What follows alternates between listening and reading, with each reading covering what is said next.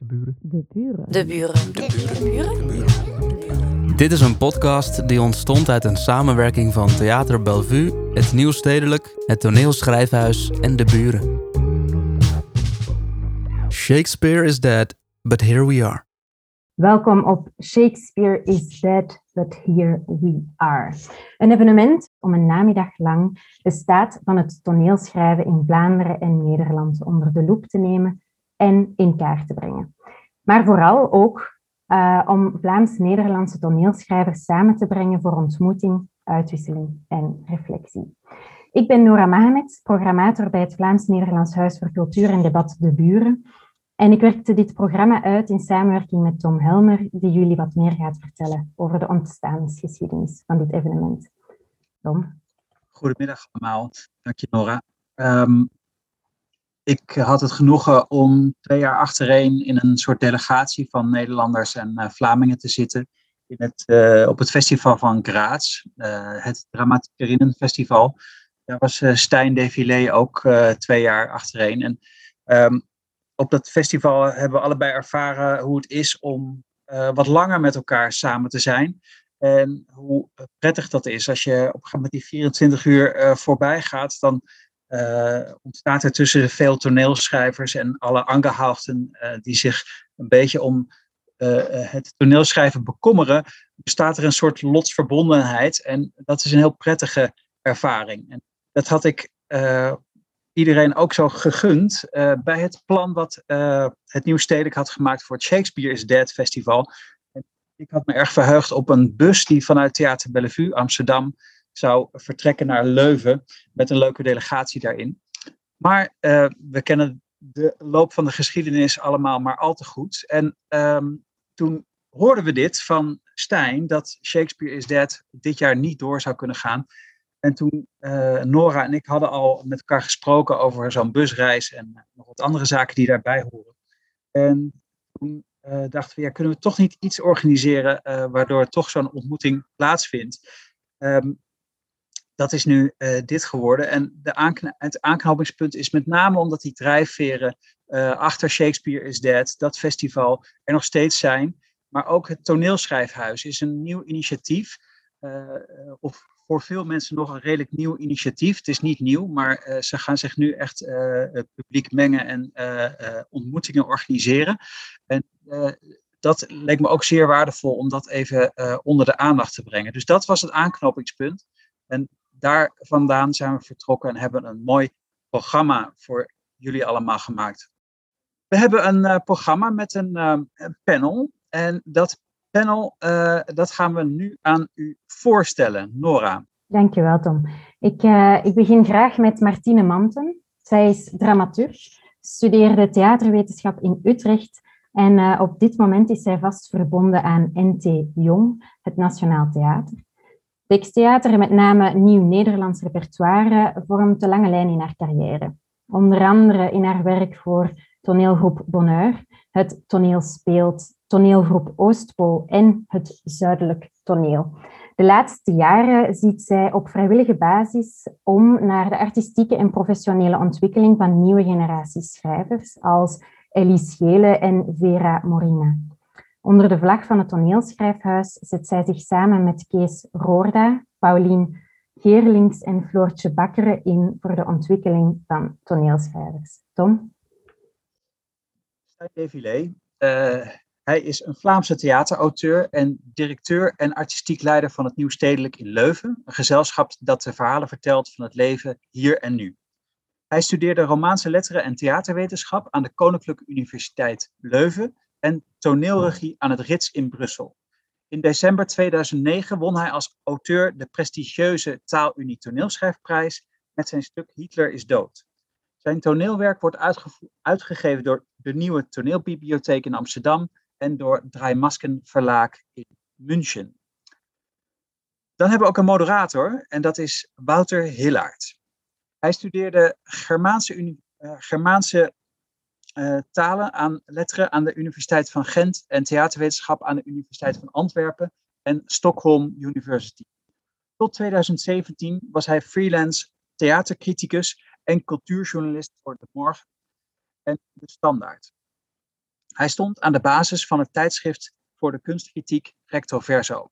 Sinds 2017 geeft hij steeds vaker de voorkeur om zijn betrokkenheid en kennis in te zetten als projectdramaturg bij verschillende makers in Tot slot, uh, Lot Vekemans schrijft toneel, toneelteksten, romans en scenario's. Eind jaren 90 begint zij voor meerdere projecten te schrijven.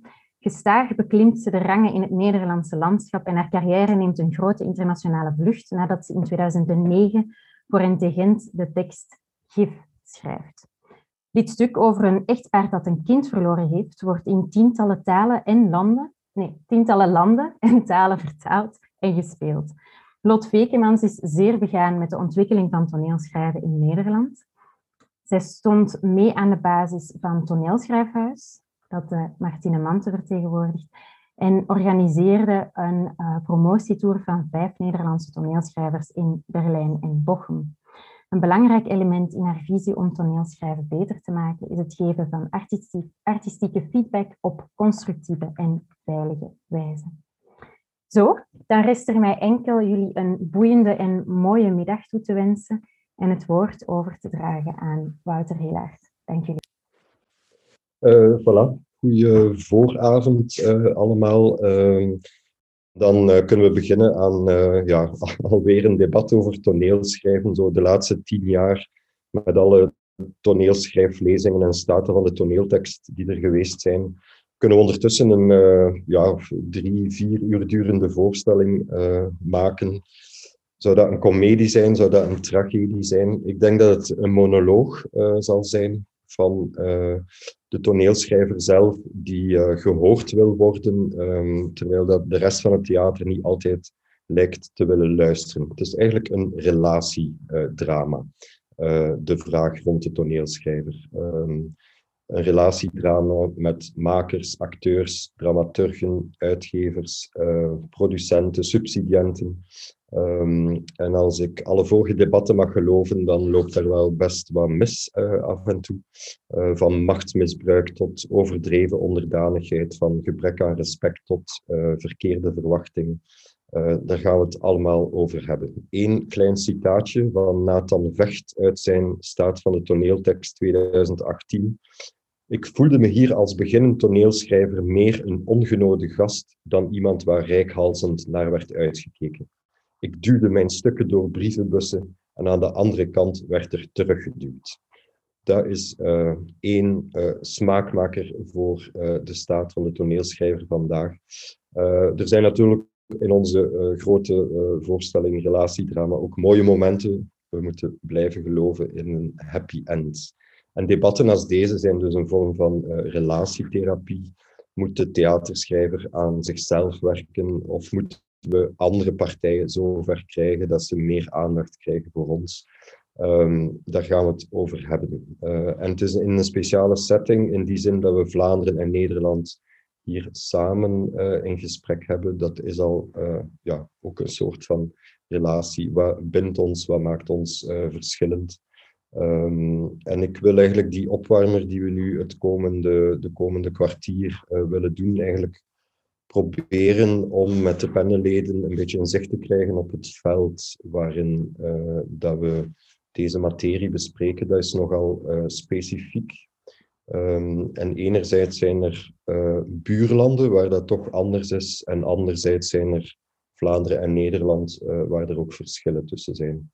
En voor um, een kleine uh, Zoom-actief moment en als inleiding wil ik jullie vragen om naar links te kijken, dat is richting Groot-Brittannië, en dan naar rechts, dat is Duitsland. We gaan dat even allemaal samen doen. Links, rechts, dus 3, 2, 1. Links traag uw hoofd en dan helemaal rechts traag uw hoofd, dat is Duitsland. En dan heb ik een eerste vraag aan uh, de panelleden. Uh, wat valt ons aan die buurlanden, die ook best verschillend zijn, uh, speciaal op? Sommige van jullie hebben daar ook ervaring mee. Als het over de positie van de toneelschrijver gaat, uh, zijn er dingen die we benijden aan die andere buurlanden, of dingen waarvan we vooral heel blij van zijn dat het bij ons anders is? Uh, Lot, ik wou misschien bij jou beginnen, want jij hebt zeker in Duitsland en, en Stijn ook, denk ik, wel wat ervaring. Hoe, hoe, is de, hoe wordt de toneelschrijver daar bekeken? Heb je daar iets over te delen met ons? Ja, ik denk dat, dat je eigenlijk een mooi opmaat geeft met het woord relatiedrama. Uh, ik denk dat twee dingen belangrijk zijn om te kijken als je het hebt over hoe gaat het in andere landen. De ene kant is de status van de toneelschrijver binnen andere landen. Uh, en de andere is eigenlijk de relatie die daar uh, wordt gevoeld.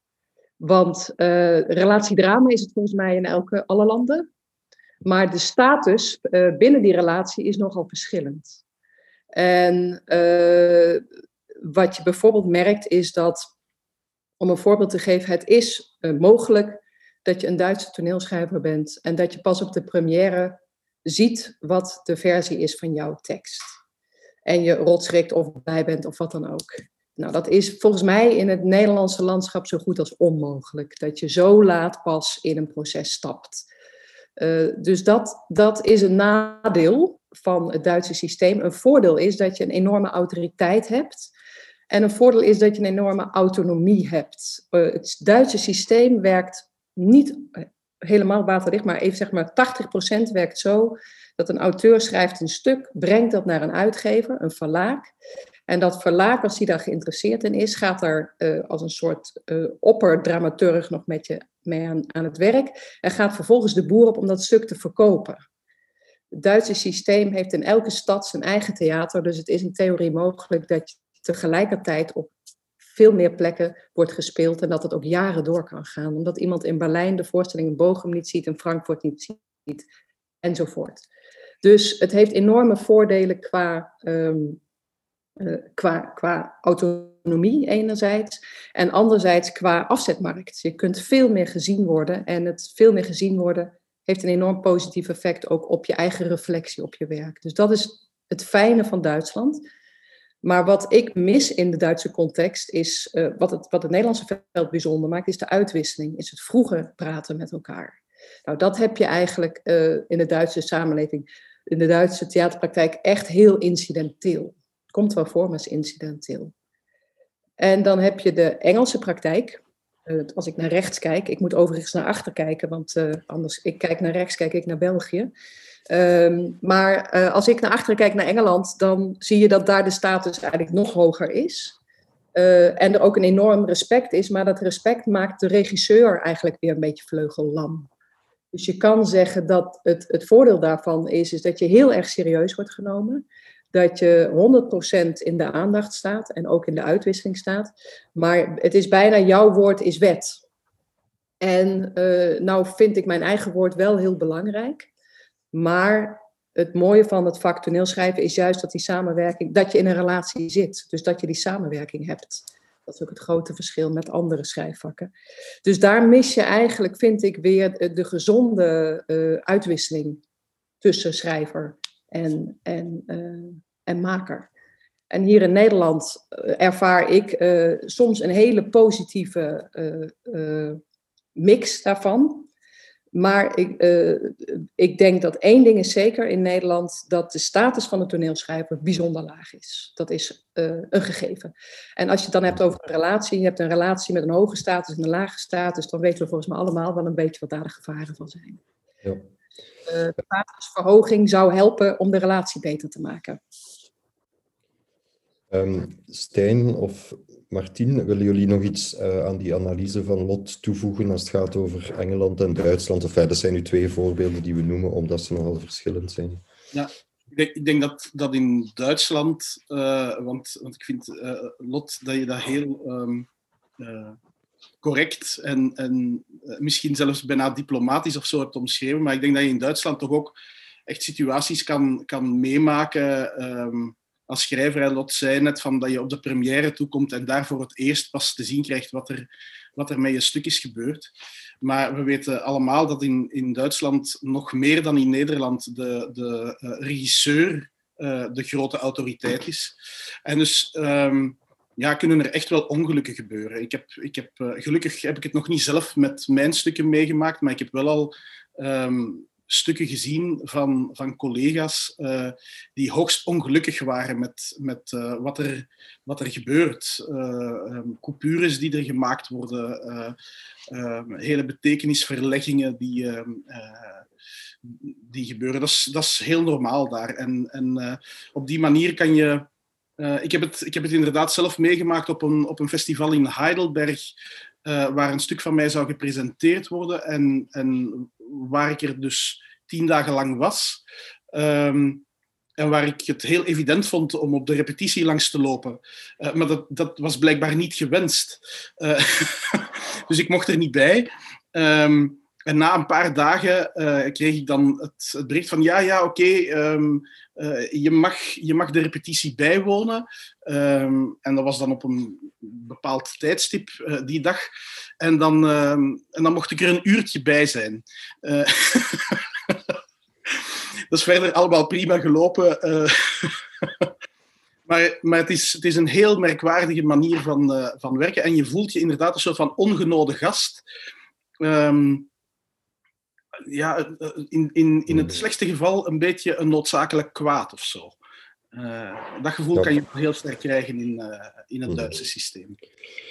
Ik stel voor, omdat we, omdat we enfin, deze inleiding is, is kort, dat we meteen springen naar het verschil tussen onze eigen gebieden, zeg maar, uh, Vlaanderen en Nederland. Ik vroeg me af, Martine, is, is, heb jij iets wat je benijdt aan, aan Vlaanderen? Of wat zijn voor jou de meest opvallende verschillen tussen um, het gebied waarin jij vooral je beweegt en dan uh, en Vlaanderen? Uh, een van de meest opvallende elementen vind ik wel dat de meeste uh, schrijvers in, in, in, Vlaanderen bijna ook makers zijn. Dus dat, heel veel, dat dat heel erg samen gaat. terwijl bij ons is het meer. Er zijn natuurlijk wel schrijvende makers, maar er zijn vooral heel veel toneelschrijvers. Die worden opgevoerd door regisseurs.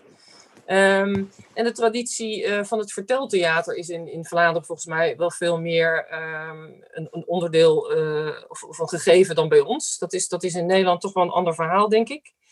En ik heb ook het idee dat er in Vlaanderen meer ruimte is voor vorm en uh, vormonderzoek. Dus ook meer, er is meer onderzoek met de taal soms aan de, aan de hand, zeg maar, voor de stukken die ik dan zie. Hè? Dus de, de, de voorstellingen die ik zie.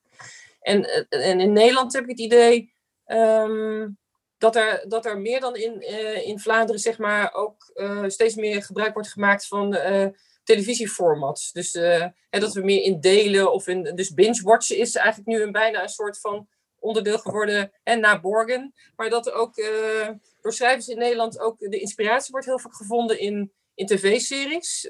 meer dan soms in, in, in, in literatuur of, of in toneelliteratuur. Dus daar zijn wel duidelijke schriftuurverschillen in mijn beleving. Stijn, heb jij dingen die je benijdt aan Nederland?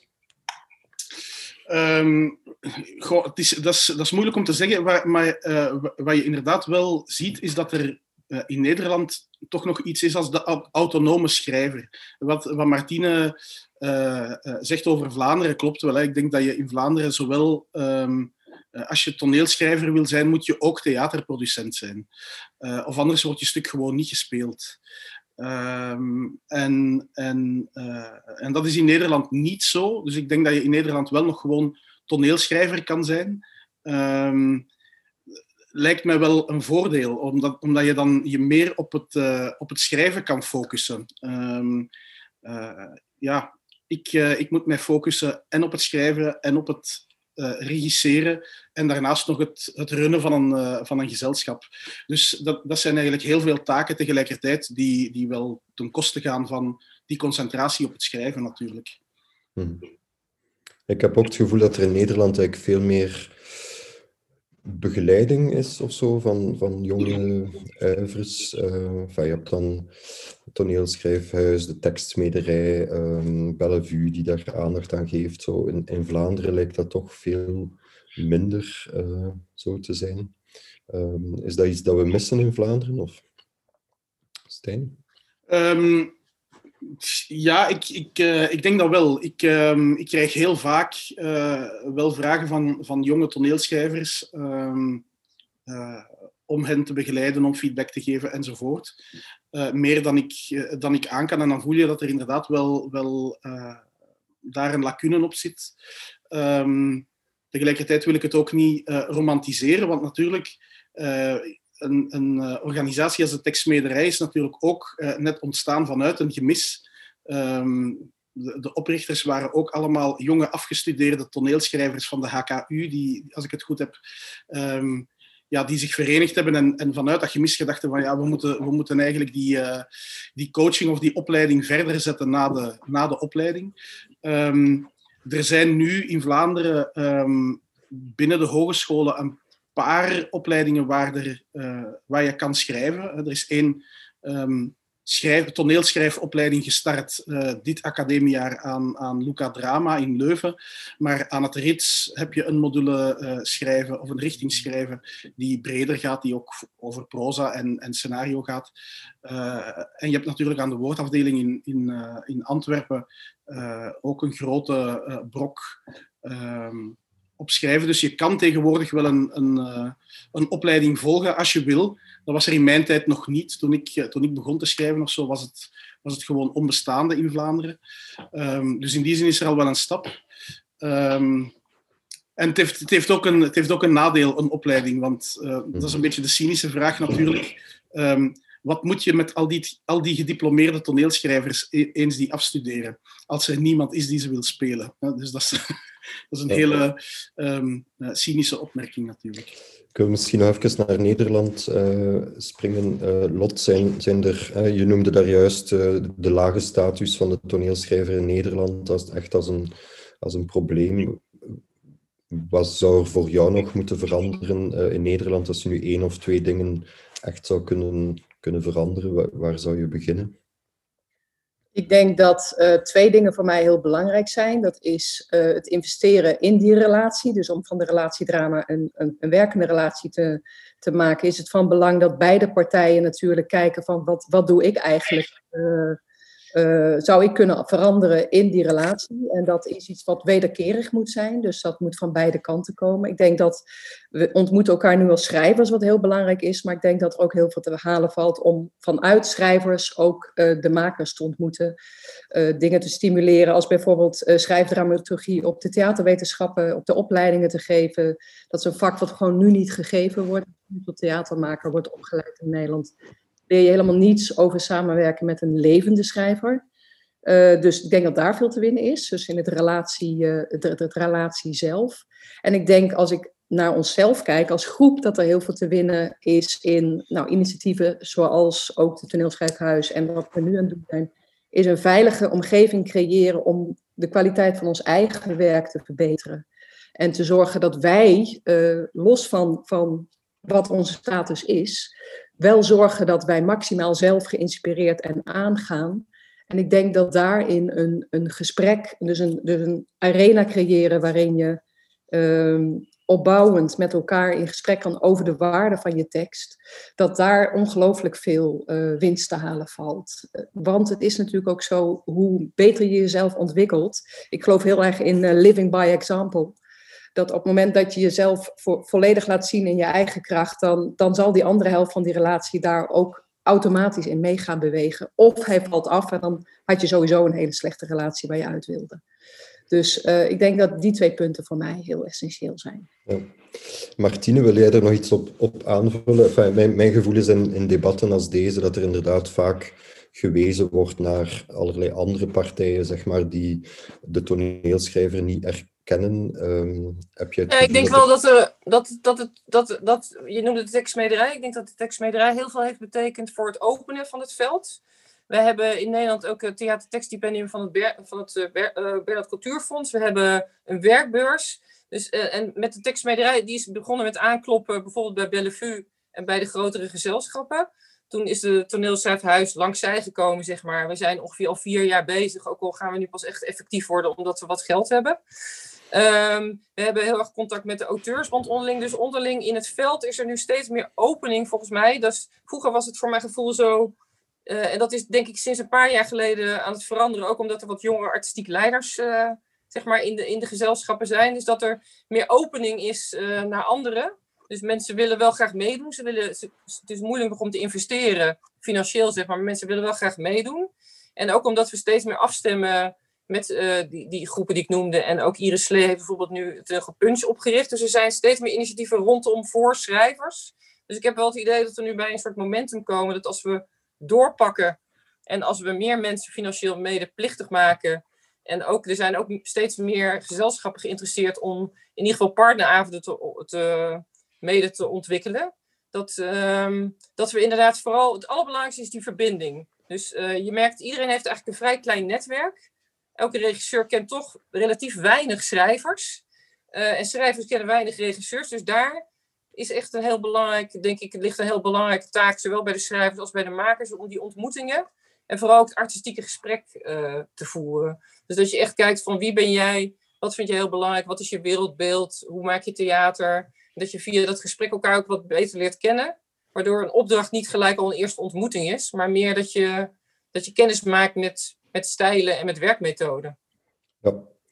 We gaan er een uh, ontmoeting uh, bij halen um, in de persoon van uh, Etno Azulay. zij is dichter, toneelschrijver en performer, um, vers afgestudeerd van de Writing for Performance opleiding aan de HKU. met het afstudeerwerk Een lichaam van water kan niet breken was een monoloog en een, een bundel essays.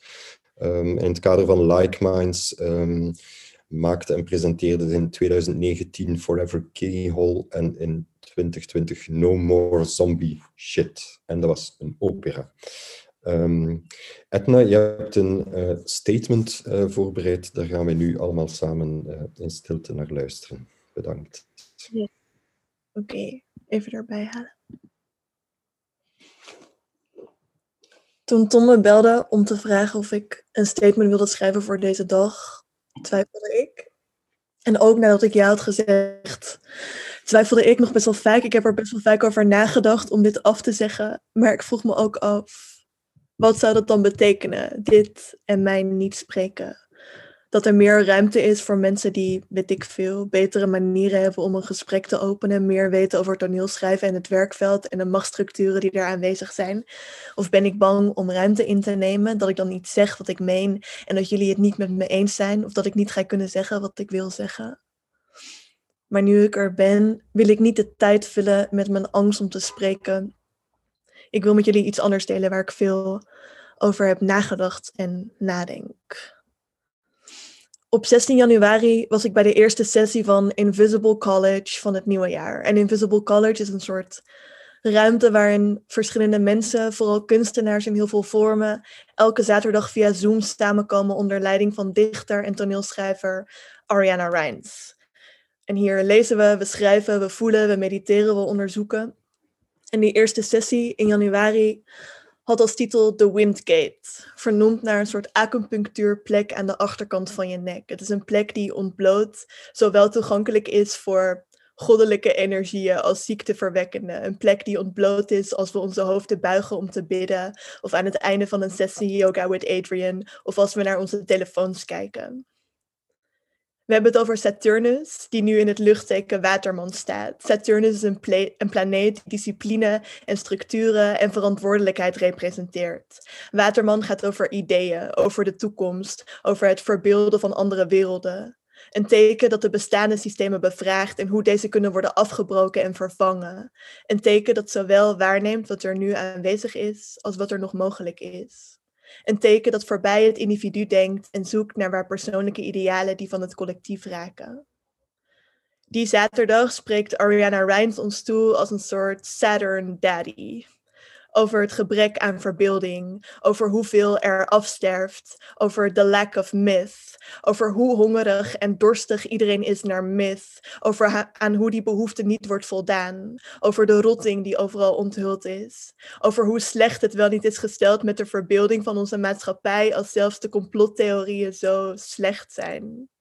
Wat voor kunst is er nu nodig? How to build a future with art. How to genuinely bear witness. How to alchemize our shit. Wat is onze verantwoordelijkheid? Ariana zegt, it's not enough to be emotionally naked. I need you also to be brilliant. It's not enough for me that you be brilliant. I need you also to be visibly, radically, courageously self-questioning. I need you also to have profound self respect and not to take any shit in your life. I need you to take less shit in every sense. I don't care how empathetic and kind and intuitive and generous you are, or how much hurt you might be nursing from your childhood last week or last night. We need to not take shit. Taal is ons middel, onze technologie. Ariana beschrijft poëzie als putting, putting air and space around things coming in from the outside and that are coming up from the inside. And it has no carbon footprint. Beschrijven woorden die bedoeld zijn om hardop uitgesproken, beademd en belichaamd te worden. Spreken is het aangaan van verantwoordelijkheid. Gesproken taal als wind die zowel helend als ziekmakend kan zijn. Hoe gaan we deze technologie gebruiken? Welke vormen neemt het aan? Hoe en waar vindt het plaats? Gaan we in stand houden wat er is? Gaan we bewijzen hoe goed we zijn? Gaan we plekken creëren om samen te rouwen en uiteen te vallen, om samen te verbeelden? Om in de wereld te zijn. Om na te denken over andere manieren van leven en liefhebben die niet zo fucking destructief zijn. Gaan we de lucht en onderstromen die altijd aanwezig zijn naar de voorgrond brengen? Hoe klinken ze? Waar geven we ruimte aan? Waar laten we ons door beïnvloeden? Ik wil samen praten en denken over verbeelding, over verlangens, over verantwoordelijkheid, over de shit we should stop taking. Het laatste wat ik met jullie wil delen is een stuk uit No More Zombie Shit, de afgelaste voorstelling waarvoor ik samen met Lila, Lila de tekst schreef. Het is een voorstelling die gaat over vriendschap, over collectieve liefde, over falende systemen, over finding joy in resistance, over woekeren en vertakken waarin het bos als daddy ons dit advies gaf. We kunnen niet terug naar iets wat niet bestaat. Er is geen onschuld te heroveren. Toss the shit in the garbage. Don't try to be so fucking good all the time. Don't accept the violence. Push beyond that. Find the root. Dream up another world. Every one of us is a world of possibility. If you feel yourself falling, then dive. Dank jullie wel voor het luisteren. Jij bedankt om uh, te spreken, Edna. Um, ik, uh, wat ik er vooral uithaal is de uitnodiging die je doet, of de belofte voor jezelf van uh, laten we samen, hoe zeg je het, laten we samen praten en denken over verbeelding, verlangens, verantwoordelijkheid, over the shit we should stop taking. Um, voor mij legt jouw, um, jouw tekst de, de, verantwoordelijkheid van de auteur um, heel hard op tafel. Dat zeg je ook uit spreken, is het aangaan van verantwoordelijkheid. Met veel grote vragen en uitdagingen die je, die je stelt. en ik wil dat ook even teruggeven aan, aan het panel, misschien aan Lot in de eerste plaats, die, die verantwoordelijkheid van de auteur. Hoe, hoe zie jij die? En, en vooral ook, is die, is die veranderd de laatste vijf of tien jaar? Zie je bij mensen die na jou zijn gekomen een ander soort verantwoordelijkheid van de toneelschrijver die, uh, die zich opent? Uh, nou, in eerste instantie wil ik uh, heel erg Edna complimenteren. Ik ben ontzettend blij met wat je schrijft. Uh, ik, om jouw vraag meteen te beantwoorden, is het anders? Dat vind ik heel erg moeilijk te beantwoorden. Is het anders dan toen? Dus ik, ik, ik beperk me even tot hoe, hoe ik het nu uh, ervaar. Um, wat, kijk, wat Edna voor mijn gevoel nu, nu aansnijdt, is dat deel van de relatie waar ik het net over had. Je bent met meerdere in een relatie en je kan zeggen dat de ander moet veranderen, maar je kan ook zeggen waar moet ik veranderen en waar laat ik dingen liggen. En uh, het is voor mij een, een, een uitnodiging om die verantwoordelijkheid voor onszelf op te nemen. En ik vind uh, als schrijver heb je daar een fantastisch middel voor. En dat is omdat uh, taal en, en, en creëren van taal, uh, of in ieder geval het autonoom creëren voor mijn gevoel, geeft je de mogelijkheid om zowel met dat wat van buiten naar binnen komt te dealen, waar je geen invloed op hebt, zou je kunnen zeggen, en, en te dealen met wat van binnen naar buiten wil. We hebben allemaal een drijfkracht, denk ik, als creators van teksten om iets naar buiten te brengen vanuit onszelf. En op dat snijvlak van die twee krijg je een samensmelting. En in die samensmelting kan beide, beide veranderen. En als je dus die verantwoordelijkheid neemt waar Edna volgens mij naartoe oproept en waar ik het ook interessant zou vinden om met elkaar verder over te spreken, dan, dan verander je dus per definitie de samensmelting. Want jij verandert, je, je, je gaat invloed uitoefenen op jouw deel. En ik denk, Wouter, dat dat iets is wat uh, ik denk de nieuwe generatie veel duidelijker nu laat horen dat dat noodzakelijk is dan de generatie waar ik zelf uitkom. En dat is ook waarom ik deze jonge generatie zelf uh, heel erg nieuwsgierig naar ben en ook heel gelukkig van word. Omdat ik denk, er, er worden dingen gedeeld die denk ik heel lang niet besproken zijn of niet besproken mochten worden. Omdat we allemaal zo cool waren en cynisch en weet ik allemaal. Er is ook een bepaalde houding en, een, en ego's in de theaterwereld, uh, die ik zelf uiteraard ook heb. Maar dat, ik denk dat het goed is dat we, dat we dat ook durven laten zakken met elkaar en voor jezelf. Dus ik, ik vind het een een super mooie uitnodiging om Living by Example, waar ik in geloof, om je eigen verantwoordelijkheid te onderzoeken. En ik ben heel erg nieuwsgierig hoe, als we met elkaar erover in gesprek gaan, hoe mensen dat voor zichzelf zouden willen oppakken.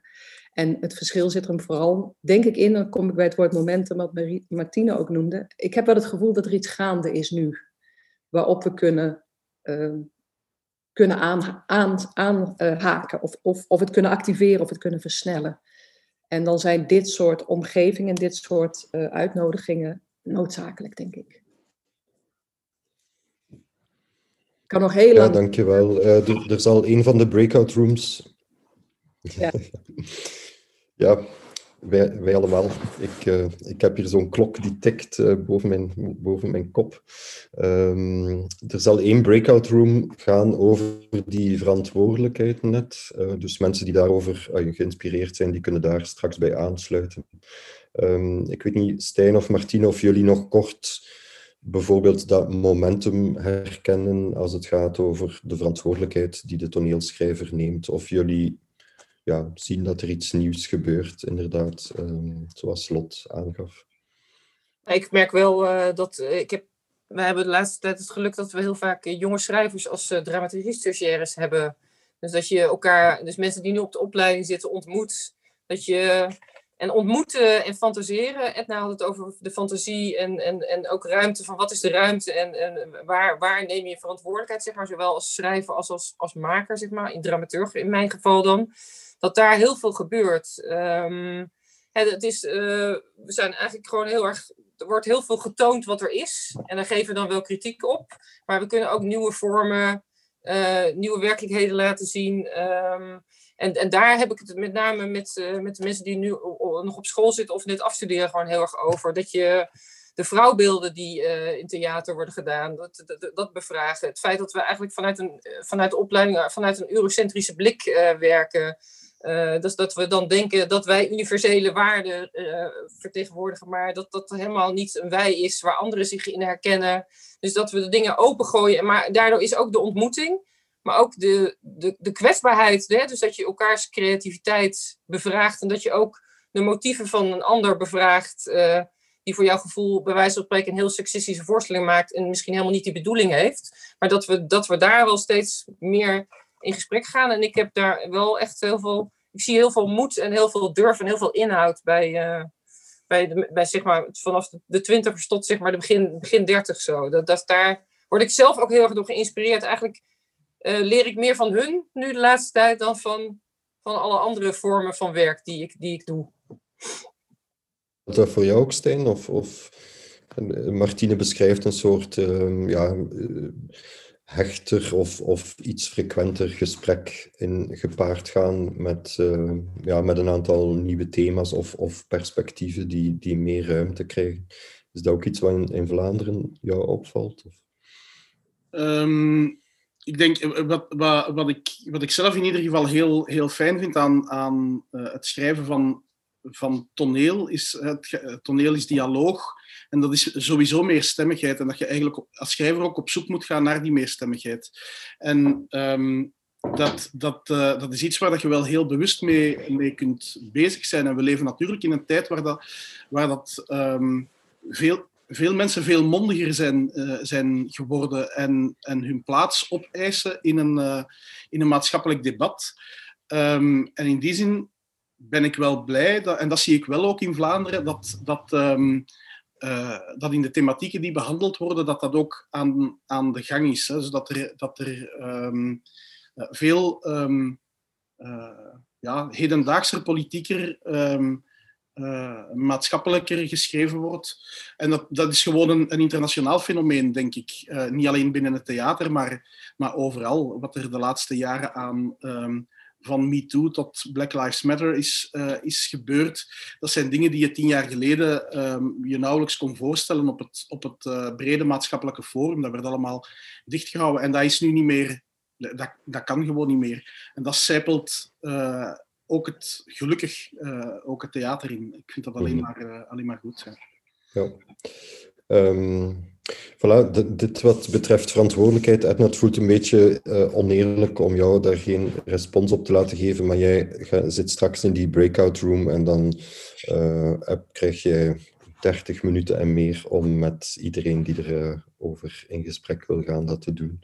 Um, we gaan een volgende uh, auteur erbij halen voor een, een statement. Dat is uh, Dunja Mohammed. Um, zij is vijf jaar geleden, 2015, afgestudeerd aan het KASK in Gent uh, met de voorstelling Salut Copain.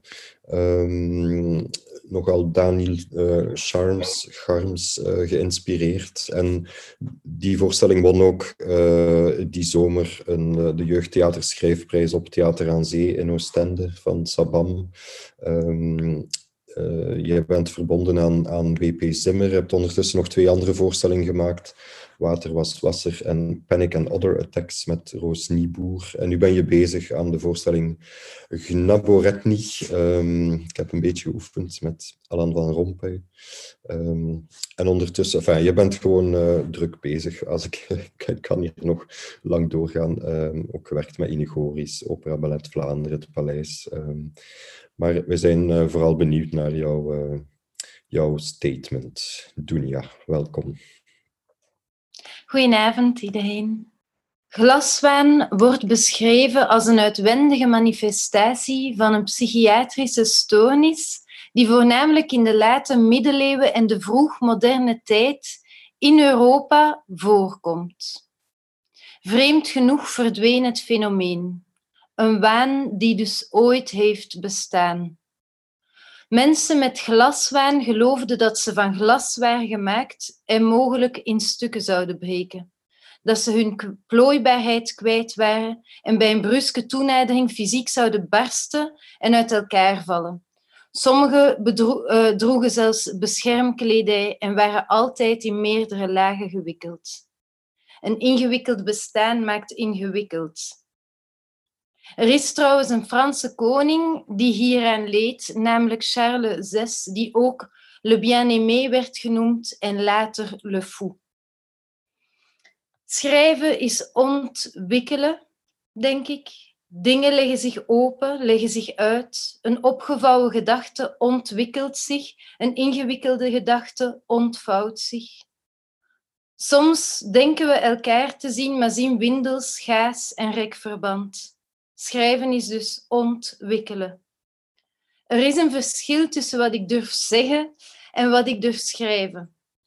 Wat ik schrijf kan ik doorstrepen, wat ik zeg niet. Daarom zeg ik de woorden die ik schreef. Heel lang schraapte ik mijn mond tot ik hees was en zei dan niks tegen niemand. Of ik zei alles niet tegen iedereen. Misschien is mijn schrijven niet langer zwijgen.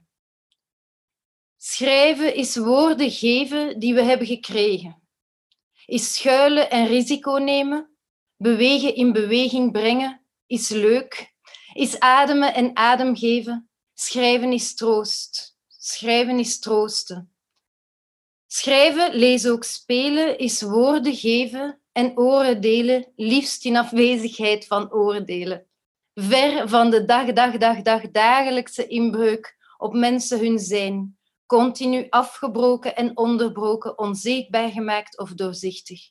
Er wordt op zeer voorname manier beleefd en welbespraakt, gediscrimineerd, geïntimideerd.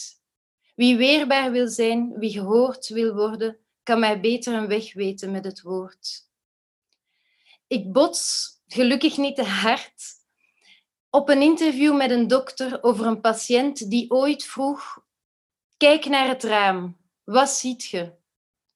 De dokter kijkt en zegt: uh, Ik zie voorbijgangers, gebouwen, vogels, de straat, mensen, ja, een vliegtuig. Waarop die ander zegt: Ik ben dat raam. Schrijven is nabij verrekijken. Ik ga in de avond vaak naast het raam zitten, aan de buitenkant. Tussen het raam en de maan. Witte maan. Ze schijnt voor iedereen en zo schijnt ze voor iedereen hetzelfde te willen. Was al het witte maar even klaar voor kleur. Waarvoor ik mij niet meer schaam, is schrijven over de maan. Omdat ik mij liever melig dan hard, gevoelig dan intellectueel, vragend dan wetend tot een ander richt. Woorden kunnen lichten en woorden kunnen drukken. Gedrukt onder woorden verandert iemand van vorm. Het landschap waaruit die bestaat wordt geperst, geplet, lijkt oppervlakkiger. Maar hoe platter het wordt, hoe meer het bedekt, zich uitstrekt. Hoe komt het dat zij die spottend neerkijken niet weten dat ze breken met hun lach en denken dat de scherven teruggeven niet mag? Hoe komt het dat ze niet hadden verwacht dat waar overheen gelopen werd op een dag in hun tenen zou snijden ongewild en het gedragen verdriet niet zomaar gestild?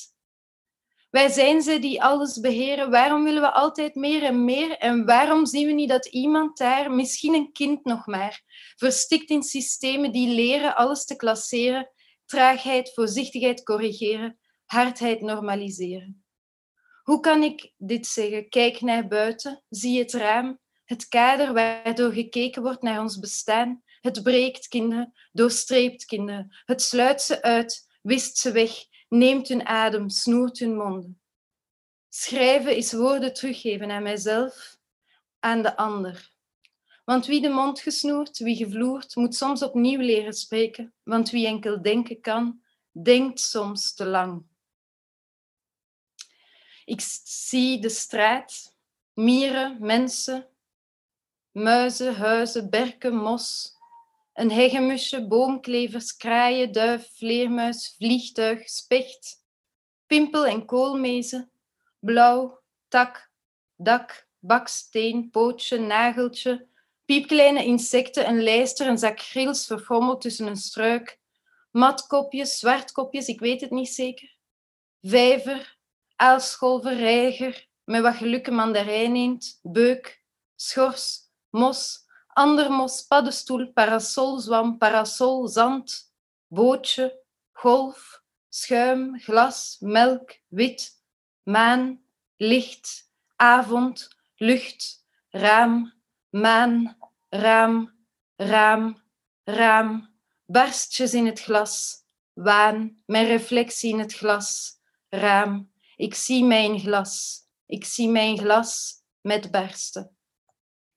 Schrijvend wil ik raam zijn, mijn landschap niet afgevlakt, wel uitgestrekt, verrijkend, verkijkend, met iedereen heen. Er is een verschil tussen wat ik durf denken en wat ik durf zeggen. Een doorstreept woord is een gedachte met een barsting. Een barst is twijfel. Schrijven is hopen dat een gezegd woord niet verkeerd valt. Meestal weet ik dat het vallen zal, maar niet waar of hoe, en schrijven leidt mij toe het eerst ergens neer te zetten. Ik leg het en verleg het en leg het hier, omdat wat gelegd is ook gezegd is, mij van minder hoog vallen kan. Stukken gedachten. Ik, ik leg ze hier en leg mij erbij neer. We zijn ingewikkeld voor het geval dat. Dank u wel. Goed ontvangen. Dank je wel, Dunja. Mooi.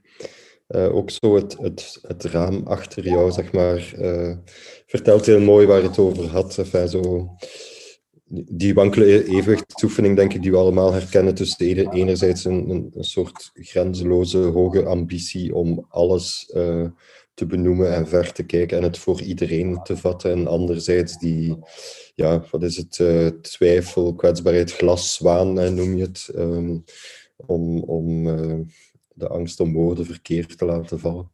Um, een mooie poëtische ode aan de toneelschrijfkunst, denk ik. Um, een zinnetje die ik er uithaal is die schrijven is ont wikkelen. Uh, daar denk ik dat iedereen zich uh, ongeacht leeftijd of ervaring in herkent. Um, maar het is wel iets waar in, in Nederland vooral uh, hard is op ingezet de laatste jaren. En Martine, ik, ik wou aan jou eens vragen. Um, je begeleidt veel schrijvers, soms nieuwe schrijvers. Zijn daar belangrijke dingen die jou opvallen in die, in die ontwikkeling? Um, dingen die ja, die frappant zijn of waar we misschien meer aan moeten werken. Uh. Bedoelt nu vooral eh, met schrijversontwikkeling of, of proces, dus de samenwerking, maar vooral bij schrijvers? Of, ja. Ja, ja um, vooral bij ja. schrijvers, ja. Ja, is, ik, ik, ik werk dan met name met toch wel best wel vaak met mensen die, die dan van opleidingen komen. Dus je merkt inderdaad, uh, bijvoorbeeld als iemand een eindwerk maakt, hoeveel druk en prestatiedrang daar soms ook op ligt. Uh, terwijl juist het onderzoeken, stijlonderzoek, vormonderzoek doen, jezelf ook de ruimte geven om, uh, om, om ergens in te kunnen verdwijnen in plaats van eigenlijk gelijk al doelgericht te gaan, gaan werken. Dat is eigenlijk wel een heel belangrijk gegeven. Ik, je merkt toch wel vaak dat, dat mensen toch geneigd zijn om om toch, uh, hè, ook omdat in de praktijk bijvoorbeeld, uh, ik zat nu te denken, bij een grote zaalopdracht bijvoorbeeld is het al veel kwetsbaarder soms. Hè. Er zit dan toch meer prestatiedruk op, Mm. zowel van de schrijver als van de regisseur. Hè. Een soort verantwoordelijkheid die er is. Soms werken mensen vanuit synopsis en andere schrijvers werken helemaal niet vanuit synopsis. Dus dat maakt dan ook de, de manier van communiceren gewoon wel heel ingewikkeld als iemand eigenlijk gewend is om te reageren op een synopsis of, of op scènes. Um, ik denk dat het met name heel belangrijk is om, om, uh, om heel goed te weten wat je, wat je precies wil vertellen. Waar, waar de kern zit van, van wat je wil vertellen. Dus in die zin is veel praten met elkaar, veel conceptgesprekken voeren. In de beginfase denk ik heel verrijkend en heel openend ook. Hmm. Want je leert elkaar beter kennen. Of je leert je eigen, je leert je eigen uh, toch datgene wat steeds terugkomt goed kennen. Maar je leert ook gewoon wel kennen wat wil je eigenlijk nog meer onderzoeken. Dus dat vooral heel veel tijd en ruimte nemen voor, voor, voor denk ik, voor, voor stijl en vorm. Maar is, is die tijd en ruimte er ook, zeg maar? Hè? Want uh, we, we, hebben, we, zijn een relatiedrama aan, aan bespreken. Uh, zijn de verwachtingen aan de andere kant, uh, ja, geven die ook die tijd en die ruimte aan, uh, aan schrijvers om dat gesprek te voeren waar je al een paar keer op, op hamerde? Nou ja, dat, dat verschilt heel erg per, per proces. Uh, dat verschilt ook over natuurlijk hoe, hoe lang van tevoren je een opdracht hebt gekregen. In de praktijk is het natuurlijk toch heel vaak zo dat schrijvers toch, als ze aan één stuk werken in opdracht, toch vaak ook voor een ander stuk in opdracht werken. Dus je hebt een bepaalde tijdspad wat je kan toepassen op dat stuk wat je in samenwerking met, bijvoorbeeld als ik dan in een proces zit, dan, dan zijn mensen vaak nog bezig met iets af te ronden of ook iets nieuws te beginnen.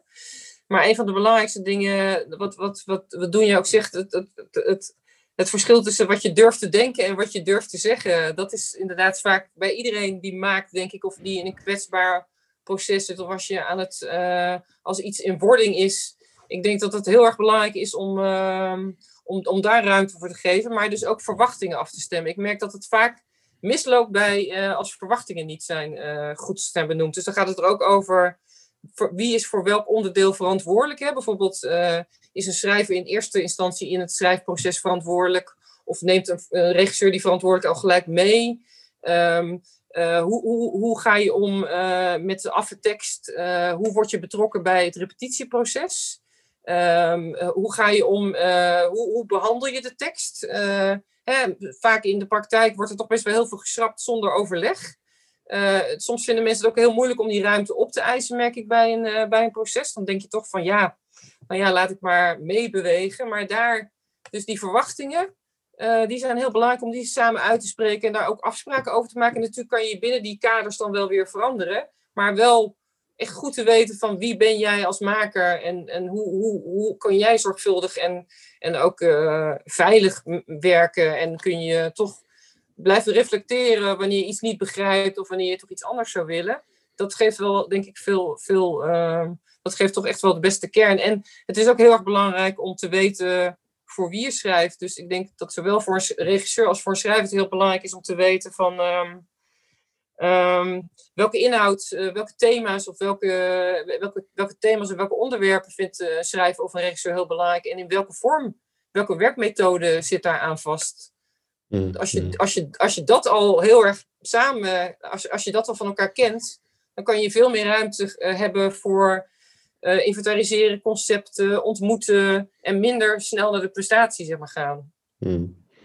Ja, dat is een pleidooi voor een, voor een lang uh, ja. voorspel, hè, voordat je ja, of, ja. kiest om, uh, ja, om samen... ontmoeten ook. Dat je niet gelijk naar het resultaat gaat of naar de voorstelling of naar het stuk, maar ook echt ook soms ruimte neemt, drie, vier gesprekken om, om gewoon toch een beetje af te tasten en nog door te blijven filosoferen van waar de kern ongeveer moet zitten. Ja. Um, Lot en Stijn, ik, ik geef jullie nog um, enfin, de kans uh, om zeg maar één, ik weet niet, gebalde tip of een inzicht dat, dat voor jullie eigen schrijverschap werkt, uh, mee te geven aan de ongetwijfeld vele andere schrijvers, uh, vaak ook jongere schrijvers die hier zitten. Wat, wat zouden we als het gaat over die ontwikkeling, um, ja, is er daar iets wat jullie zouden willen meegeven? Ja, Lot heeft er straks al uh, uitgebreid gehad over, over uh, de nood van een veilige context te hebben. Dat is wat, Martine eigenlijk ook een beetje probeert te situeren. De, de, de kwetsbaarheid van een, um, van een schrijver met een, met een pas affe tekst is, wel, is eigenlijk wel heel groot. Um, en, en een eerste lezing um, met een acteursploeg die daar ook best met heel veel spanning uh, naar, zit, naar zit te kijken. Van, ja, die spelers moeten, moeten die tekst dan gaan, uh, gaan verdedigen op tournee. Uh, die moeten ermee aan, aan de slag gaan. Dus die, er is een groot belang daar. En soms zijn dat tegengestelde belangen. En en dat is wel een ervaring die ik heb, uh, die ik heb gehad. Dat, dat spelers, ik zeg het nu even, even heel oneerbiedig en, en wat kort door de bocht ongenuanceerd, maar nemen vaak de weg van de minste weerstand. Uh, um, gaan gaan uh, soms wat um, brutaal om met een tekst, want ja, zo is het toch makkelijker. Ik vind, het, ik vind dat het zo beter bekt, of ik vind dit interessanter om het even zo te doen. Terwijl je daar als schrijver misschien um, dagen of weken lang over hebt gedacht en al die gedachten ook al hebt gehad, maar toch voor deze ene weg hebt gekozen. Uh, en dan, dan, dat is echt verschrikkelijk als dan zo'n speler op basis van een eerste lezing zegt, nee, ik ga dat toch zo doen. dat is echt iets om, om, uh, om voor uit te kijken. Ik heb voor mezelf um, een, uh, een, een strategietje uh, bedacht om daar een beetje aan tegemoet te komen. Ik laat, ik laat een tekst als die af is altijd eerst lezen door, ik organiseer bij me thuis in de keuken een, uh, een lezing van de tekst met, um, met acteurs die niks met de productie te maken zullen hebben. Um, uh, goede acteurs die ik ken, die ik vertrouw, die, mij, die mijn werk ook kennen. Um, en die heel kritisch durven zijn over mijn, over mijn werk. Maar die in elk geval op een andere manier naar die tekst uh, gaan kijken en die, die lijnen gaan lezen dan, uh, dan met de achterliggende gedachte. En dit moet ik straks gaan spelen. Um, nee, daar hoeven ze niet mee bezig te zijn. En dus dan krijg je hele, um, hele directe uh, en, en eerlijke feedback, zonder dat dat tegengestelde belang um, zich meteen manifesteert. Dat is, dat is voor mij wel een, een grote hulp. Ja. Helder en bruikbaar, denk ik organiseer je eigen kitchen sink uh, drama voor het uh, naar de scène gaat. Lot, heb jij nog een, een, korte tip toevallig voor andere schrijvers? Ik onderschrijf al, zowel wat Martine en Stijn hebben gezegd heel erg. En uh, ik heb een nieuw woord geleerd, glaswaan. En ik denk dat de glaswaan enorm in de theaterwereld leeft. Ik geloof dat iedereen een soort denkt dat hij van glas is. Ik heb dat zelf ook heel lang gedacht. En ik heb nu eigenlijk, begin ik nu langzaamaan te ontdekken dat dat niet zo is. Ik ben niet. Uh, dat is het voordeel van 30 jaar ouder zijn. Maar ik zou eh, iedereen willen oproepen om niet te geloven dat je van glas bent. Ook al eh, kan het soms zo aanvoelen. Dus dat is eigenlijk de tip eh, die, die ik zelf heb. En dat betekent, omdat je niet van glas bent, dat je zelf af en toe gewoon met die vuist op tafel moet slaan en moet zeggen: Stop, dit doe je niet. Punt, klaar. Ik heb echt met grote regelmaat met mijn vuist op de tafel geslagen bij situaties omdat het mij niet beviel. En dan denk ik niet van wie ben ik en dit en dat. Dat voel ik wel van binnen, maar ik handel er niet naar. Dus dat is de tip. Handel niet naar je kwetsbaarheid. We zijn kwetsbaar, we zijn allemaal kwetsbaar, maar ga niet geloven dat je van glas bent. En die andere is het ook niet trouwens. Dus je kunt best met die vuist op tafel slaan. Die is uh, heel helder, dankjewel. We gaan er onze laatste uh, gast bij roepen. Is uh, meer een dramaturg, al heeft hij ook wel zelf minstens één tekst geschreven waarvan ik weet heb. Peter Antonissen is, was freelance theaterrecensent voor de krant De Morgen, heeft ook lang bij het theatertijdschrift Etcetera gewerkt. Uh, maar toch ondertussen al 15 jaar is hij vooral als dramaturg aan de slag uh, geweest bij Fabul Fabuleus in Leuven nog altijd. En werkt in Nederland ook als uh, freelance dramaturg voor Theater Artemis en Hoge Fronten. En geeft les op Luca School of Arts in Leuven. Um, en hij schreef, dan moeten jullie maar eens googlen, een interessant overzichtsartikel, uh, de theatertekst in Vlaanderen anno 2019. Uh, die staat op de website van het Kunstenpunt. Um, Peter, welkom. Um, spreek. Dank je, Wouter. Goedemiddag allemaal. Ik zou mijn bijdrage willen beginnen met een verontschuldiging om mij meteen bij Dunja aan te sluiten. Ik heb het geschreven, dus dan kan ik het nu ook gemakkelijker zeggen. Um, ik wil mijn excuses aanbieden aan de mensen van de leesclub. Ik denk dat er wel een aantal hier zijn vanmiddag. Um, ik vermoed dat ik dat initiatief niet moet uh, toelichten. Ook in Nederland is er steeds meer aandacht voor, heb ik gemerkt. De NRC heeft erover geschreven onlangs. De leesclub is een initiatief dat ik ontzettend toejuich en dat er mijns inziens naast andere initiatieven toe heeft bijgedragen dat er de afgelopen twee jaar een groeiende interesse voor de toneelschrijfkunst is gekomen. Ik voel me echter als dramaturg en als uh, theaterliefhebber in het algemeen schuldig dat ik nog geen enkele keer heb deelgenomen en ik ga van dit publieke forum gebruik maken om te trachten uit te leggen hoe dat komt. Ik ben bij mezelf te raden gegaan en ik ben op drie mogelijke, maar ook paradoxale verklaringen uitgekomen. Eén, ik vrees dat ik deelname ontzettend leuk ga vinden en eraan verslaafd ga worden. En ik ben sowieso al aan te veel dingen verslaafd. Twee, een argument dat weliswaar slechts geldt sinds de ontmoetingen van de leesclub online plaatsvinden. Ik ben het zo beu als wat om dag in dag uit een online bestaan te leiden als in online lesgeven, online vergaderen. Uh, ongetwijfeld herkenbaar voor heel wat mensen en ik tracht dat gegeven echt te beperken. Drie, het argument dat vandaag het meeste zaken doet. Ik weet dat het niet voor iedereen geldt, maar ik ben zo iemand die er een groot genot in vindt om in mijn eentje theatertekst te lezen en dat liever niet in groep doet. Voor de goede verstaander, het is niet zo dat ik dan teksten luidop lees en in verschillende stemmen begin te spreken, maar het is wel zo dat een goede theatertekst mij op plekken in mijn hoofd, in mijn hart, in mijn buik brengen kan waar ik niet eerder ben geweest. En dat is best een intiem gebeuren tussen die tekst en mij. In combinatie met het eerste argument, ik vrees dat ik, als ik ga deelnemen en de smaak te pakken krijg, daags, daags na elke leesclub bij mezelf de behoefte en misschien zelfs de nood ga voelen om die tekst dan nog eens een keertje opnieuw te lezen, maar dan in mijn eentje, geheel zoals mijn verbeelding en ik dat willen vormgeven en ervaren. En daarvoor, daarvoor zijn de dagen dan echt weer veel kort. Het is op die bijzondere dynamiek die theaterteksten eigen is dat ik hier verder wil ingaan. Zoals Wouter al aangaf, twee jaar geleden heb ik in opdracht van Kunstenpunt in Brussel een uh, landschapstekst geschreven over de theatertekst in Vlaanderen. Ik voerde toen een telling uit en ik kwam eerlijk gezegd tot mijn eigen verbazing op een lijst uit van het amateurcircuit buiten beschouwing gelaten naar schatting 140 mensen die in Vlaanderen meer dan incidenteel voor theater schrijven. Ik heb die telling enkele dagen geleden nog eens overgedaan en ditmaal kwam ik op naar schatting 160 mensen uit. Dus nog eens 20 meer. Dat is veel. Voor de duidelijkheid, daar zijn ook Nederlanders bij die sinds langere tijd in Vlaanderen wonen en werken. En er zijn ook mensen bij die in andere talen dan het Nederlands schrijven, maar die nauw betrokken zijn op het kunstgebeuren in Vlaanderen. Nu, de vraag is natuurlijk ook of die alle 160 aanspraak kunnen maken op het predicaat theaterschrijver. Niet dat ik van die theaterschrijvers een exclusieve club wil maken.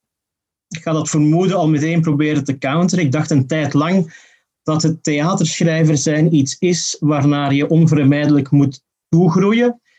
Maar dat is naar mijn gevoel niet per se zo. Het heeft niet altijd met leeftijd of ervaring te maken. Om even over de plas naar Groot-Brittannië te kijken. Geen haar op mijn hoofd dat eraan twijfelt dat Sarah Kane of meer recentelijk Jasmine Lee Jones zich al meteen bij hun respectievelijke debuut als een volbloed theaterschrijver manifesteerden. Maar waar zit dan die eigenheid? De ware, ik zie dat even tussen aanhalingstekens, klinkt een beetje gezwollen, maar de ware theaterschrijver slaagt er naar mijn gevoel in om op een volwaardige wijze om te springen met de paradoxen die eigen zijn aan het voor theaterschrijven.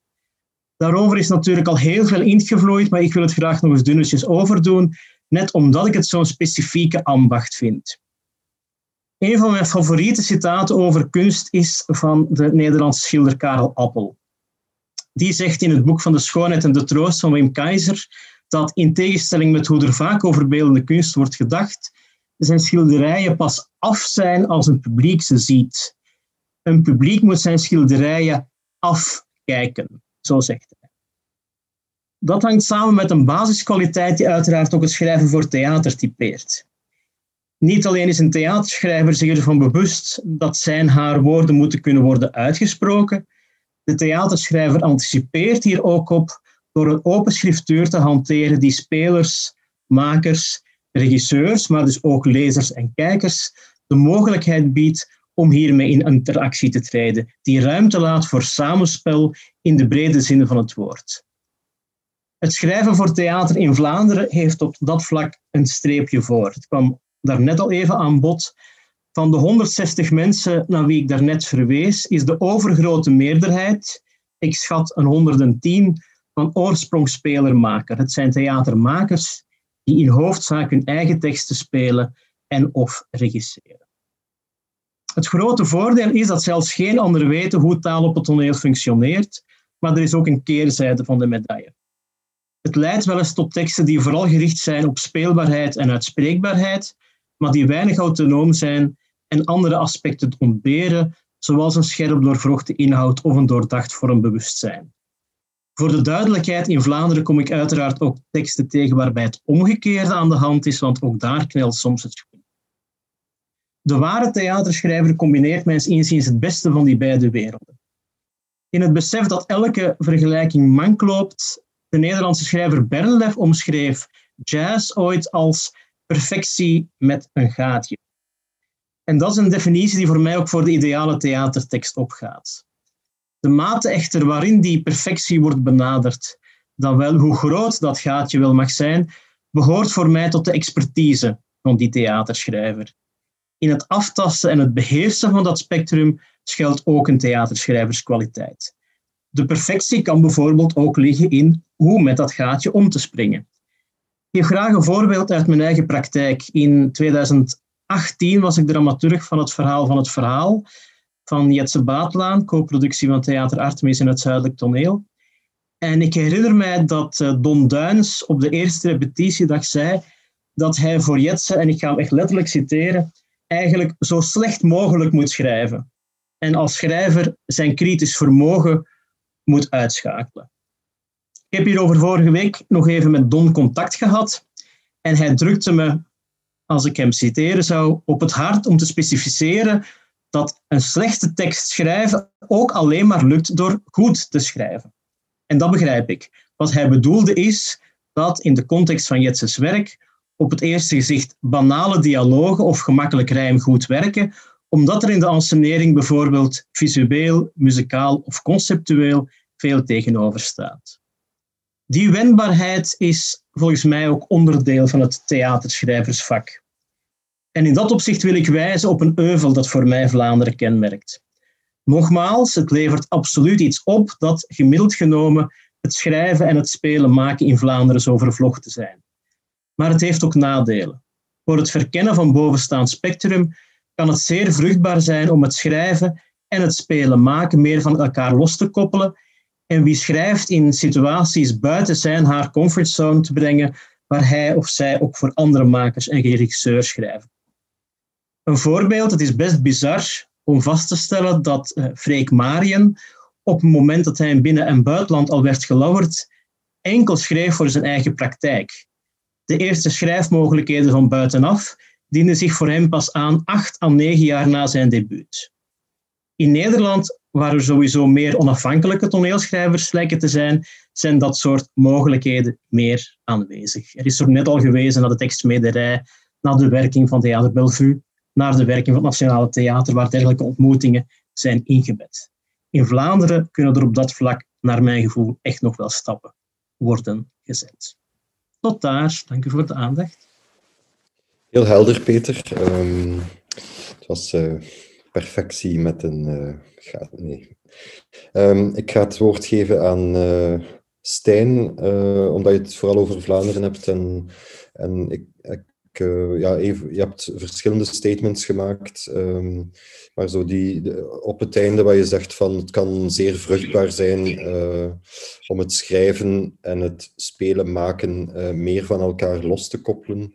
Hoe kijkt iemand als Stijn daarnaar die het in één persoon verenigt? Is dat iets dat, dat meer uit elkaar moet getrokken worden op veldniveau? Onder, onderschrijf je die, die oproep van Peter? Um, dat het, uh, of het moet, dat, dat, weet ik niet of ik daarmee eens ben, maar ik denk wel dat het, dat het uh, een, een verrijking zou zijn als het, als het meer zou gebeuren. Uh, want, en wat is de winst daar precies van? Um, ja, dat je gewoon verbeelding toevoegt aan een tekst. Dat, dat je gewoon het hoofd en de verbeelding van iemand anders toevoegt aan een tekst.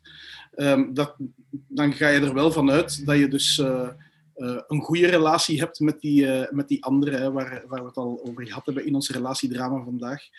Um, ik, uh, ik heb het zelf al eigenlijk ook nog maar heel weinig gedaan, hè, geschreven voor andere regisseurs. Um, ik, heb, ik heb een bewerking gemaakt voor Thibaut Delpeut en ik heb een stuk geschreven voor Christophe Ausens. En voor het overige zijn wel een aantal stukken van mij door, door andere regisseurs uh, ook gespeeld uh, of op, opgevoerd geweest. Um, en dat is altijd uh, een verrijking. Hè. Je, je, um, dan blijkt dat de tekst slimmer is dan de schrijver of zo. Um, dat, dat er dingen in staan die je zelf niet, niet wist dat ze erin stonden. dus, dat is, dus dat is wel fijn om, om, om te merken tegelijkertijd ben ik altijd wel blij um, als ik eerst mijn eigen ansenering heb gemaakt. en dan kunnen ze er na, nadien mee doen wat ze willen, eigenlijk. Dat, dat, uh, dat is een soort van bevrijding of zo, uh, uh, is dat wel bij mij. Dan, dan, dan vind ik alles wat er, wat er nog bij komt, vind ik winst. Um, maar van sommige anseneringen, mocht dat dan de enige geweest zijn, dan, dan zou ik het wel jammer hebben gevonden. En zie je soms voorstellingen van andere uh, schrijvers, makers, waarvan je het gevoel zou hebben van, ja, misschien was het toch inderdaad beter geweest om het door iemand anders te laten doen of een andere schrijver gezocht uh, te hebben. Enfin, komt dat soms voor? Je hoeft daarom geen namen te noemen, maar herken je dat? Um, nee, ik ben zelf wel uh, met die vraag ooit geconfronteerd geweest. Of, of um, dat dan, dat, ja, ik durfde ze zelf niet stellen, Stijn. Iemand, maar, uh... iemand mij dat vroeg, van, van uh, zou dat nu niet beter zijn als je dat eens door iemand anders laat registreren? Toen was ik beledigd. maar, uh, maar ja, misschien wel, hè. Misschien wel. Um. Uh, ik vond dat, ik vond dat uh, met, met, uh, met Groep Dian, met Christophe, vond ik dat super fijn. omdat we elkaar natuurlijk heel goed kennen, heel goed vertrouwen. En, en um, dat was eigenlijk, dat is misschien nog wel interessant om, om even te vertellen, eigenlijk was dat een beetje een schrijfopdracht. Christophe was met een idee naar bij mij gekomen, gevraagd, wil jij daar een stuk over schrijven? Ehm, ik had daar ja op gezegd, maar ik was tijdens het schrijven wel met die, met, ehm, met die thematiek een beetje in de knoei geraakt. Of zo. Ik, vond, ik vond die eigenlijk te dun. En ehm, eh, ja, dat ging dan over gewapend uh, activisme op het moment dat er, dat er net... Uh, dat was het jaar dat de, de, de aanslagen in Brussel plots plaatsvonden. En, en ik vond het oorspronkelijke idee een beetje te romantisch, of de, de, de visie een beetje te romantisch of zo.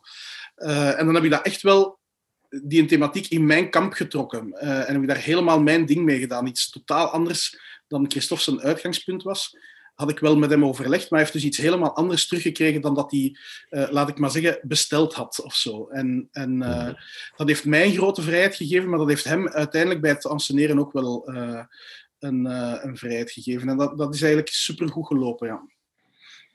Maar, maar misschien kan Lot daar ook wel iets over zeggen, want zij heeft natuurlijk ook al haar eerste stukken zelf geregisseerd ik zou bijna willen zeggen, ik heb die luxe niet van Stijn dat ik mijn eigen stukken regisseer. Uh, ja, ik, onderschrijf wel heel erg zijn analyse van Peter. En, en ook wel zijn oproep om, om, om het ook te scheiden. Vanuit de gedachte dat je eigenlijk op elkaars schouders staand meestal uh, verder, verder reikt. Uh, maar in de praktijk heeft het ook, heb ik ook wel eens gedacht, het zou ook wel eens voordelen hebben als ik zelf de regisseur van ditgene zou zijn omdat je ook, ik heb heel veel samenwerking met regisseurs gehad en daar kan het ook enorm in mislopen. dus, dus ja, ik denk dat het, het, is een, het heeft allebei voor- en nadelen. Wel belangrijk om te zeggen dat ook in Nederland, Peter, de, de, de, de ontwikkeling van de toneelschrijfkunst eigenlijk vooral ontstaan is vanuit makers. Hè? Dus vanuit regisseurs, schrijvende regisseurs, schrijvende acteurs. Dus misschien wel een beetje lijkt op, uh, op Vlaanderen nu. En ik denk dat het niet, uh, niet toevallig is dat de, de HKU-opleiding daar een, een belangrijke verandering in heeft gebracht. En in mijn tijd, uh, praat ik over de, de midden jaren negentig, was het uh, heel moeilijk om als, als loslopende toneelschrijver ergens binnen te komen. En dat, die situatie heeft er in vrij korte tijd eigenlijk veranderd. Um, maar het, het, het, het, ik ben het heel erg met je eens dat de, de, de mogelijkheden om op elkaars schouders te staan enorm zijn mits die uh, samenwerking ook een, uh, een, een, samenwerking is waar, waar beide partijen in gedijen. Dus dan komen we ook weer op, op ons relatiedrama uit. En laten we niet vergeten dat in heel veel relatie, uh, ook een kind is. En als het kind dan de voorstelling zou zijn, dan ligt daar denk ik ook veel oplossing. Als je allebei het kind op het toneel bezet, wat je eigenlijk met Jetsen en, en Don nu eigenlijk schetste, beide partijen willen dat kind natuurlijk wel uh, in volle glorie uh, op het toneel zetten, dan kom je denk ik ook heel ver. Dus uh, ja, ik, ik, ik heb ook wel momenten dat ik wens dat ik het wel zelf zou kunnen regisseren, maar ik vrees dat ik dat talent niet heb. Dus ik ben ook, ook gedoemd tot, tot soms slechte samenwerkingen. En uitgenodigd tot super. Dus dat is uh, mijn reactie. Dan um, gaan we afsluiten. We gaan een klein beetje over tijd gaan, maar de moderatoren gaan hun uiterste best doen om zo scherp mogelijk op uh, een minuut uh, twee, drie gedachten te delen uit elke breakout room. Um, ik vroeg mij af uit uh, Breakout Room 1, uh, Floortje, of jij daar uh, rond de stelling van Peter over het losmaken van het schrijven en het spelen maken, of jullie daar nog bijzondere inzichten hadden doorgekregen. Nou, het was een het, het, leuk geanimeerd gesprek waarin uh, bijna alle posities werden ingenomen van inderdaad het, het hanteren van het liefst een waterdicht schot tussen tekst en voorstelling tot mensen die de metafoor gebruikten dat het eigenlijk allemaal dat je met elkaar in bad moet en samen daarin een mooie voorstelling moet gaan maken. Dus verschil tussen eerst de tekst een statisch gegeven wat gerespecteerd moet worden tot een element in een dynamisch proces. Wat ik heel interessant vond was um, dat uh, uh, voor, uh, ook voor acteurs en anderen die betrokken zijn bij een voorstelling het dilemma over wanneer uh, mag je uh, tekst gaan bewerken of hoe ga je uh, daarmee om heel erg gedeeld is. Dus de, de zorg en de twijfel die er is bij auteurs van hoe wordt er omgegaan met mijn tekst, of Stijn noemde dat heel eventjes, dan kiezen acteurs voor de makkelijke weg of er worden dingen geschrapt en daar ben je helemaal niet bij. Um, dat uh, aan tafel eigenlijk door iedereen die bezig is met die tekst heel zorgvuldig uh, uh, omgegaan wordt, maar ook heel veel twijfel en dilemma's gevoeld worden. Dus ook dit is misschien wel weer een kwestie van veel met elkaar in gesprek gaan over uitgangspunten en behoeftes, um, waarin het ook voor de acteurs makkelijker wordt om dat dilemma te hanteren. Dankjewel, Floortje. Um, dat is helder, denk ik. Um, breakout Room 2, schrijven is ontwikkelen. Um, Maaike, heb jij daar uh, conclusies uit kunnen puren? Uh, ja, we hebben... Hoort iedereen mij? We hebben uh, gesproken over wat heb je als schrijver nodig om je te ontwikkelen. En het zal niemand verbazen dat we vooral ook op uh, dialoog uitkwamen, dus gesprekken met anderen. Um, en dan liefst ook gesprekken over langere tijd met bepaalde partners, zodat je eh, op verschillende momenten iets kan toetsen aan iemand, maar ook op verschillende momenten in je carrière misschien weer kan toetsen waar je mee bezig bent. Uh, we hebben het erover gehad dat veiligheid natuurlijk essentieel is en dat iemand ook geïnteresseerd is in de nou ja, de vragen achter het werk dat je schrijft. Um, we hebben het erover gehad dat het belangrijk is om jezelf steeds te blijven voeden door de dialoog met anderen, maar ook uh, uh, jezelf uh, ontwikkelen is je schrijven ontwikkelen, je in gesprek met de ander is je schrijven ontwikkelen. Um, en we hebben het erover gehad dat je goed moet kiezen tussen de momenten waarop je um, alleen bent met je werk eigenlijk en dat nog even voor jezelf houdt.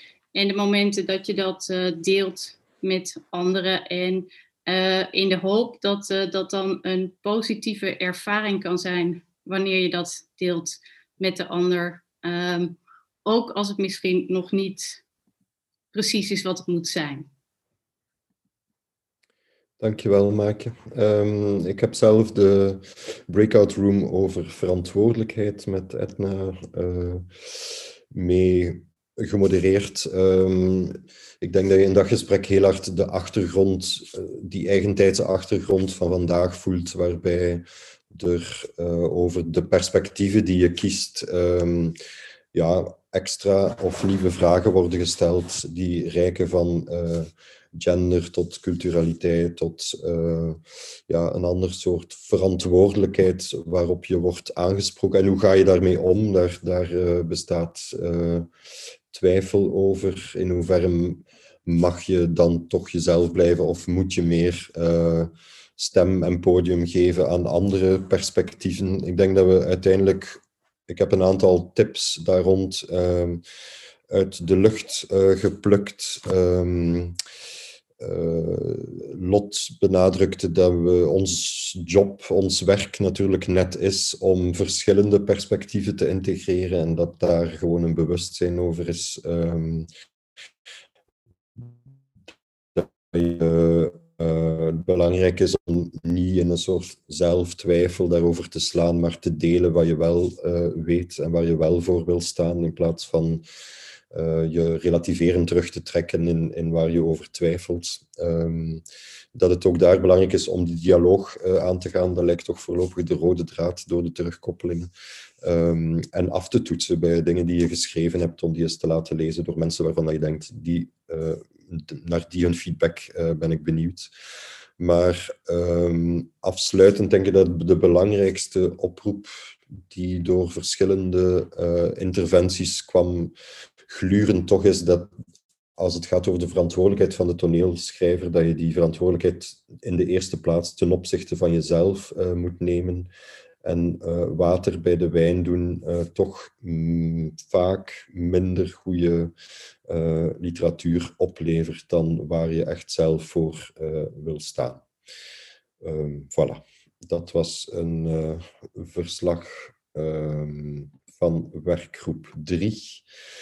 Ehm, breakout 4. In Nederland is 80% van het toneelschrijven in opdracht. Ehm, ik weet niet, Martine, of, of jij daar zelf eh, nieuwe dingen hebt gehoord of dingen die je onthoudt over dat opdrachtschrijven. Uh, nou, wij hebben meer een soort aftastend gesprek ge gevoerd. We hebben, we hebben het ook gehad over wat, missen, wat zouden wij graag willen zien uh, in het theater. En, en uh, ook inderdaad hoe moeilijk het is als je binnen opdracht schrijft, toch ook om, om, het, om het, uh, het, het vormonderzoek of het creatieve gesprek over de inhoud te voeren. Hoe, hoe moeilijk het soms ook is uh, dat, dat, dat regisseurs soms op een bepaald onderdeel inhaken van wat je aan het schrijven bent. En terwijl je denkt, oh wat raar dat je hier nou niet over begint. We hadden het ook over hoeveel verantwoordelijkheid je dan neemt voor datgene wat jij wil vertellen. En hoe je je dan opstelt als bijvoorbeeld een een regisseur uh, je concept uh, uh, of gewoon met een totaal iets er tegenover wil zetten. En nou, we hebben eigenlijk met elkaar afgesproken om nog, om nog door te praten. want we hadden het ook inderdaad over dat heel veel verbeelding of heel veel vertelkracht en vermogen en schrijfvermogen gaat naar het constateren van wat er is of wat er verkeerd is. Maar nog weinig naar de andere geluiden. terwijl we daar eigenlijk toch wel heel erg als toeschouwer heel erg in geïnteresseerd zijn. Dankjewel voor jouw verslag daarvan, uh, Martien. Uh, en dan is er de laatste breakout room over die ja, gebrek aan repertoire opbouw, het eenmalig opvoeren van nieuwe stukken. Uh, Pauline? Ja, hoi. Um, ja, wij hebben met elkaar proberen te analyseren hoe het komt dat stukken vaak maar, of nieuwe teksten vaak maar één opvoering krijgen. Um, en we hebben daar een aantal dingen benoemd die, waar dat mee te maken heeft, um, of waar wij denken dat het mee te maken heeft. En dat is uh, om te beginnen de signatuur van een regisseur of een huis, waardoor um, mensen ook of andere makers het idee kunnen hebben, die tekst die hoort bij die regisseur of bij dat huis, dus bijna uit een soort eerbied, waardoor um, anderen daar niet aan willen komen. Uh, een voorbeeld, um, wat Remco van Rijn gaf, is het niet eens alleen met nieuwe teksten, maar bijvoorbeeld ook Werner Swaap van de Trust, um, die daar heel erg hun profilering mee hadden. En eigenlijk niemand, uh, jarenlang niemand die teksten van Werner Swaap meer heeft opgevoerd, omdat dat zo aan Teu Boermans en de Trust hing. Um, een ander punt, het tweede punt, was dat ons taalgebied te klein is en uh, eigenlijk ook omdat we allemaal toeren, um, ja, we eigenlijk vertaald moeten worden om, uh, in, om een heropvoering te krijgen. Uh, omdat daar gewoon veel grotere markten liggen. Een ander ding wat we hebben benoemd is um, dat veel nieuwe teksten ook aanhaken op een actualiteit en op een urgentie uh, wat nu geschreven moet worden, waardoor stukken ook sneller verouderen. Dus een voorbeeld daarin was het, uh, de gele hesjes van uh, Stijn, wat over tien jaar of over nou misschien al vijf jaar anders gelezen wordt. Um, verder hebben we gekeken ja, of er eigenlijk meer uitgewisseld kan worden, ook tussen Nederland en Vlaanderen. Genoemd werd dat de nieuwe toneelbibliotheek daar heel fijn in is, omdat dan in ieder geval teksten worden uitgegeven en weer gelezen kunnen worden. En, uh, want vroeger verdwenen ze überhaupt al die teksten in laadjes en kon niemand er meer bij. Um, en daarin hebben we ook gekeken of er niet um, we bepaalde circuits kunnen detecteren waarin wel uitgewisseld kan worden. Ik gaf het voorbeeld dat als wij een tekst voor uh, het klaslokaal schrijven, we toch een beperkt aantal klaslokalen bespelen met die tekst en niet heel Nederland alle klassen. Dus dat dat iets is wat je zou kunnen uitwisselen. Maar bijvoorbeeld ook wat in, in een heel klein um, onafhankelijk initiatief wat wordt opgepikt door een uh, instituut of door een, een biesgezelschap bij ons of een stadstheater. Um, ja, dus daar, uh, daar hebben we naar gekeken of er dan toch mogelijkheden zijn binnen die circuits om iets meer heropvoeringen te krijgen. Dat was het ongeveer. Dankjewel. Um, voilà, daar uh, hebben we dan de vijf breakout rooms mee uh, gecoverd. Uh, zoals steeds zijn er vele verschillende gedachten. Wij hopen dat jullie daarmee um, verder kunnen. Voor een relatiedrama ging het redelijk goed, vond ik, de afgelopen twee uur. we zijn bijna aan het einde gekomen, maar Tom, jij wou nog even een aantal dingen meegeven. Ja, uh, kleine dingen. Ik uh, uh, sluit me helemaal aan bij je woorden. we, we hebben het er goed van afgebracht met elkaar. maar we zijn dan ook een behoorlijk homogene groep misschien wel. Um, de bedoeling was tijd met elkaar door, door te brengen. Dat is gelukt, maar nog niet helemaal genoeg wat mij betreft. Ik wil langer. Dat kan volgend jaar veel makkelijker, want dan vindt Shakespeare is Dead wel plaats. En wel van 22 februari tot en met 26 februari. Van dinsdag tot en met zaterdag in Leuven en uh, omgeving misschien. Maar daar ga ik me niet aan wagen. Um, de teksten, ik zei het al in de chat, zijn uh, van um, Dunja, Edna en Peter zijn terug te vinden op de website van de buren en op de website van het Shakespeare is Dead uh, festival van Nieuwstedelijk. En aan de Nederlandse jonge theaterschrijvers is nog de oproep om in te zenden voor uh, het Theaterteksttalent Stipendium. Die hebben een deadline van 1 maart. En dat is een ontzettend fijne ontwikkelprijs om te winnen. Je, kun, je kunt daarvoor meer informatie krijgen op de website van het Prins Bernhard Cultuurfonds. Ik vond het heel mooi. Ontzettend bedankt uh, organisatie, moderatoren en natuurlijk ook aanwezig voor jullie aandacht en bijdrage. Het is heel fijn. Ik wens jullie een hele fijne avond en blijf warm. Goed, hè? Ik heb, um, ik heb nog één citaat om jullie mee in de wereld uh, te sturen. Uh, opnieuw van Nathan Vecht. Ik had hem in het begin al uh, gebruikt. En daarmee gaan we dan afsluiten. ook uit diezelfde toneel, staat van de toneelschrijver. Verdoe je tijd niet met het bepleiten van je bestaansrecht, maar maak je werk onontkoombaar, onvermijdelijk en onmisbaar. Schrijf iets wat niemand je nadoet. Bedankt voor vandaag. Je luisterde naar een podcast die ontstond uit een samenwerking van Theater Bellevue, het Nieuwstedelijk, het Toneel Schrijfhuis en De Buren. Vlaams-Nederlands Huis voor Cultuur en Debat.